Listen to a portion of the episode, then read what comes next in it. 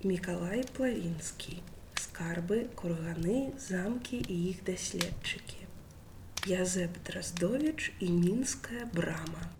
У кожнага горада ёсць свае сімвалы, без якіх гэты горад цяжка ўявіць. Часцей за ўсё гэта архітэктурныя помнікі. Такія сімвалы могуць узнікаць самі па сабе, а могуць быць і адмыслова прыдуманы ў рэкламных мэтах. Ёсць такія сімвалы і ў мінска, але мінск горад з вельмі складанай гісторыяй, таму і пытанне аб яго сімвалах няпростае. Але спачатку аб іншым. Пачнём з кароткага аповеда аб чалавеку, які ў мінску быў зусім нядоўга, хаця і паспеў пакінуць гарадской гісторыі свой яркі след. Зрэшты, паўсюль, дзе ён пабываў, ён паспеў пакінуць па сабе нешта. Гэты чалавек Язэп нарцызавіч Драздовіч. Грамадскі дзеяч, настаўнік, пісьменнік, археолог, этнограф, скульптар. Цяжка пералічыць усе заняткі гэтай незвычайнай асобы але канешне ж у першую чаргу геніяльны мастак які з аднолькавай бездакорнай падрабязнасцю маляваў што краявіды заходняй беларусі што недасягальныя куточки месяца марса ці сатурна драздович быў чалавекам складанага лёсу правёўшы доўгія гады ў бясконцах вандроўках ён так і не здолеў знайсці ў жыцці свайго месца а шырокая вядомасць прыйшла да яго твораў толькі праз тры дзесяцігоддзі пасля смерти мастака. Але, як часта здараецца, сляды таго, каго мала заўважалі пры жыцці, праз многія гады выяўляюцца ў самых нечаканых месцах. Так сталася і з творамі Язэпа Драздоеча. А зараз звернемся да мінскай брамы, дакладней брамаў. Адну з іх ведаюць не толькі ўсе менчукі, нават калі гэтага і не ўсведамляюць, але і большасць гасцей горада. Гэтая незвычайная брама знаходзіцца на прывакзальнай плошчы. Яна складаецца з двух сіметрычна размешчаных пяціпавярховых жылых дамоў з 11павярховымі вежамі па вуглах. Архітэктурны комплекс гарадской брамы быў пабудаваны ў 1953 годзе ў стылі сталінскага класіцызму па праекце ленінградскага архітэктара барыса рубаненкі. І вось ужо 60 гадоў гэтая брама з'яўляецца першым, што бачыць кожны, хто выходзіць у горад з чыгуначнага вакзала. Хай сабе за гэты час стары будынак лібавы роменскай чыгункі змяніўся новым гмахам з бетону і шкла. Другая гарадская брама вядомая значна менш, бо звычайныя гараджане яе ніколі не бачылі. Яе рэшткі былі выяўлены падчас раскопак мінскага замчышча, якія праводзіліся ў 1960 годзе пад кіраўніцтвам Эдуарда Загарульскага. Па выніках гэтых даследаванняў адзін з удзельнікаў экспедыцыі Юры Драгун стварыў макет мінскай брамы, паводле якога яна складалася з дзвюх вежаў і праезду паміж імі. Гэтая рэканструкцыя хутка стала шырока вядомай дзякуючы таму што ўжо ў 1963 годзе яна была апублікавана ў навукова-папулярнай кнізе загарульскага древні мінск кніга гэтая прысвячалася 900годдзю горада і мела велізарны для свайго часу наклад у 8700 асобнікаў а выява брамы з дзвюма вежамі упрыгожвала яе вокладку Таму не дзіва, што на працягу двух наступных дзесяцігоддзяў менавіта гэтая рэканструкцыя стала адным з сімвалаў старажытнага мінска. Яе можна ўбачыць на старонках шмат якіх буклетаў, альбомаў і даведнікаў, прысвечаных сталіцы. Тое, што рэканструкцыя драгуна загарульскага не адпавядае рэчаіснасці, выявілася падчас новых раскопак мінскай брамы якія праходзілі ў 1984-1985 годах под кіраўніцтвам Георгія Штыхова у сувязі з будаўніцтвам станцыі метро Няміга. Па выніках гэтых даследаванняў адзін з археолагаў Юры Заяц прапанаваў некалькі новых навукова абгрунтаваных варыянтаў рэканструкцыі знешняга выгляду гарадской брамы, якія атрымалі агульнае прызнанне сярод навукоўцаў. Але прычым тут я забдраздовіч. Аказваецца, ён можа мець самае непасрэднае дачыненне да мінскай брамы. Падчас свайго нядоўгага побыту ў мінску ў 1919-1920 годах Драздовіч працаваў у беларускай вышэйшай жаночай школе. у літаратурна-выдавецкім аддзеле народнага камісарыята асветы, а таксама быў мастаком-дэкаратарам у таварыстве беларускага мастацтва. Вядома, што ў гэты час ён стварыў шэраг выдатных замалёвак відаў цэнтру горада, якія сталі аднымі з найкаштоўнейшых гістарычных крыніц аб мінску. пачатку два стагоддзя для некалькіх пакаленняў гісторыкаў, археолагаў і архітэктараў. Таксама ў гэты час Драздовіч плённа распрацоўваў гістарычную тэматыку і намаляваў серыю партрэтаў першых полацкіх князёў, а таксама цыкл малюнкаў вядомы як тыпы гістарычнай беларускай будоўлі. Да гэтага цыклу блізкі і малюнак пад назвай гарадзец. Вось на гэтым і пачынаецца самая цікавая частка нашай гісторыі. Справа ў тым, што гарадзец Драздовіча гэта паселішча, размешчанае на пагорку і ўмацаваная вастраколам з шэрагам вежаў. З аднаго боку пагорак абмывае рака, а з другога знаходзіцца нізіна, незарослая дрэвамі, магчыма балота. На пярэднім плане малюнка размяшчаецца брама, якая складаецца з дзвюх вежаў, паміж якімі размешчаны праезд з пад'ёмным мостам і кратамі, Выгляд намаляванага драздовічам гарадца і асабліва яго брамы надзвычай нагадвае рэканструкцыю мінскай брамы, зробленую археолагамі на пачатку 1960-х гадоў. Дакладней наадварот. Рэканструкцыя пачатку 1960-х нагадвае малюнак драздовіча. Адчуванне падабенства і нават тоеснасці гарадца і мінскага замчышча ўзмацняецца яшчэ і тым, што гарадзец размешчаны ў такіх жа тапаграфічных умовах, як і замчышча. Мала таго, за вастраколам гарадца бачны храм. Прычым размяшчаецца ён прыкладна ў тым месцы, дзе падчас раскопак 1949 года былі выяўлены муры недабудаванага мінскага храма пачатку 12 стагоддзя. Супастаўляючы гэтыя выявы адразу ўзнікае пытанне. А ці не карысталіся драгун і загарульскі на пачатку 1960х малюнкам 1920 года.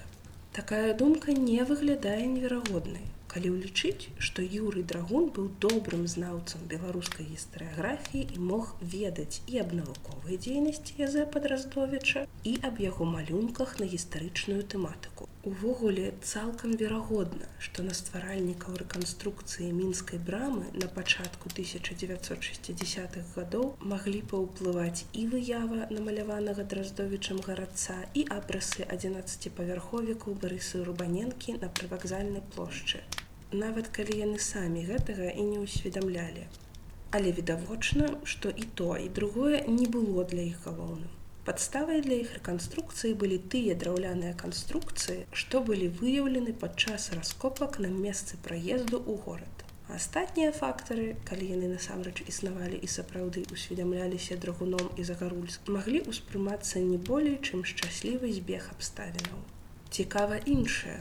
Адкуль жа Драздовіч мог ведаць, як праз чатыры дзесяцігоддзі археолагі будуць уяўляць сабе браму летапіснага Менска, Адкуль ён мог ведаць пра тое, што ў горадзе мусіў быць храм і тым больш пра тое, дзе ён павінен быў размяшчацца. Хай сабе ва ўяўным гарадцы храм драўляны, а ў Менску пачалі будаваць царкву з камення, ды так і не дабудавалі. Хай гарадзец абнесены простым вастраколам, а Менск быў умацаваны магутным валам. Хай у гарадцы ёсць пад'ёмны мост паміж дзвюма вежамі, а ў Менску вежа над брамай была адна, ды і пад'ёмнага моста тады яшчэ быць не магло.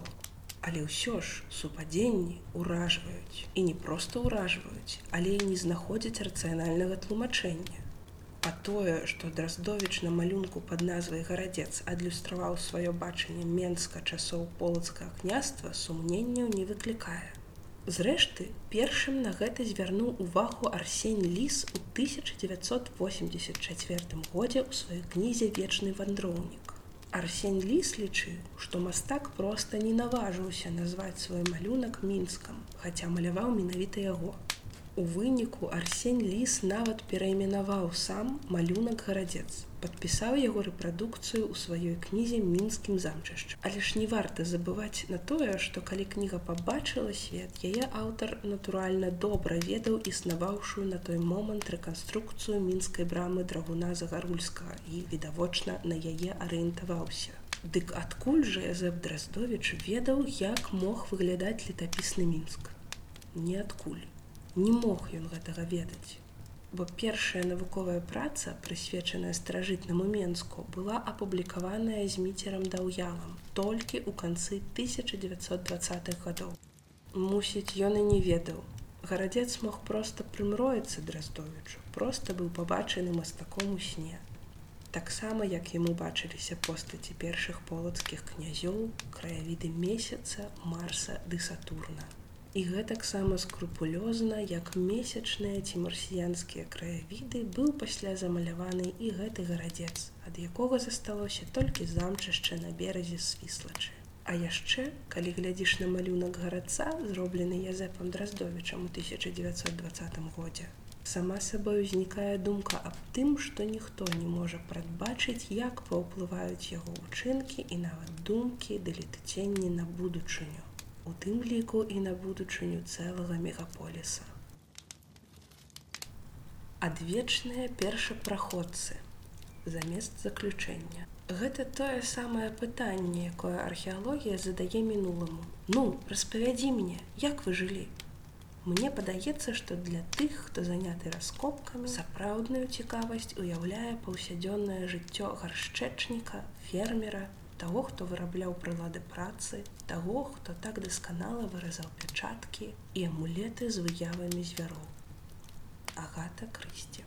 Апошні нарыс з гэтай кнігі я хацеў бы прысвяціць сваім калегам, археолагам, што гэта за людзі і якая іх праца за кожнай з прафесій у грамадстве замацоўваецца пэўны набор уяўленняў пэўны вобраз які ствараецца альбо ў штодзённым жыцці альбо дзякуючы сродкам масавай інфармацыі кіно і літаратуры.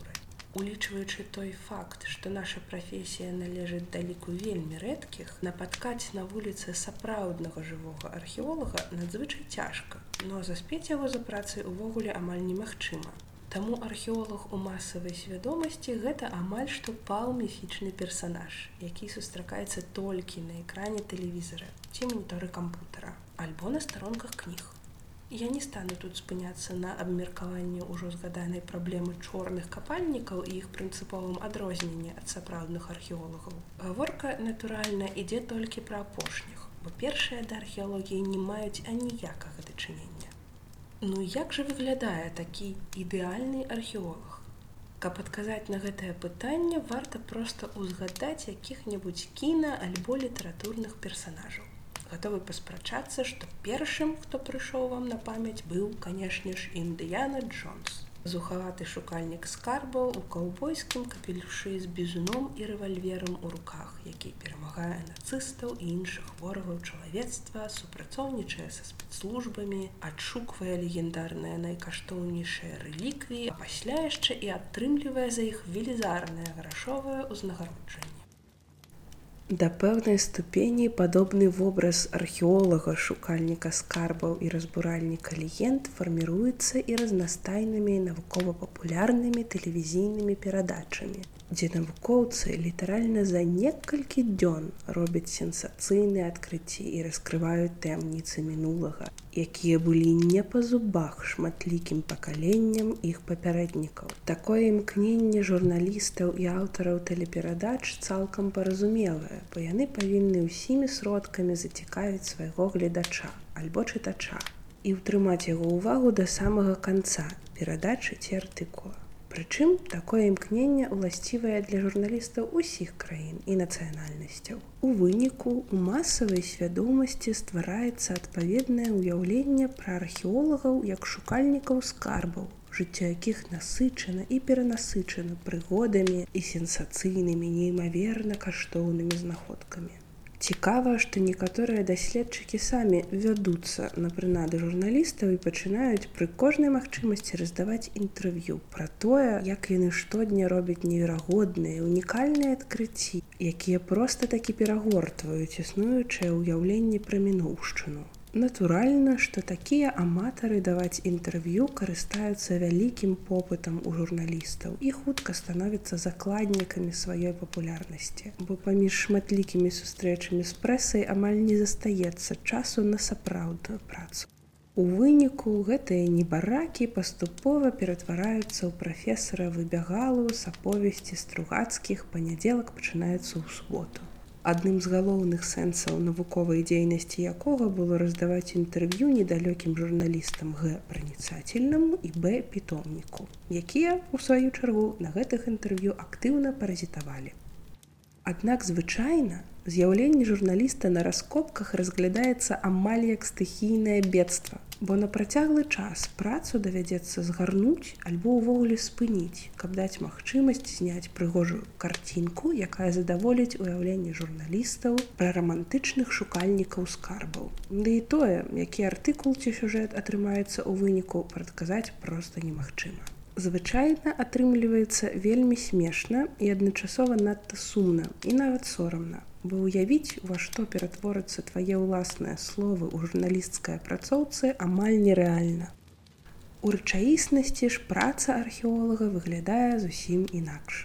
Археалагічныя разведкі і раскопкі гэта найчасцей дастаткова аднастайная і манатонная праца. Шматдзённыя першыя разведкі калі за суткі даводзіцца прайсці не адзін десятак кіламетраў у пошуках новых археалагічных помнікаў узнагароды за што могуць стаць усяго толькі жменька апрацаваных камянёў ці фрагментаў керамікі і раскопкі раскопкі якія могуць працягвацца месяцамі і гадамі увогуле стацыянарныя археалагічныя раскопкі могуць мець вельмі працяглы характар да прыкладу даследаванні комплекса паселішчаў эпохі неаліта і бронзавага веку.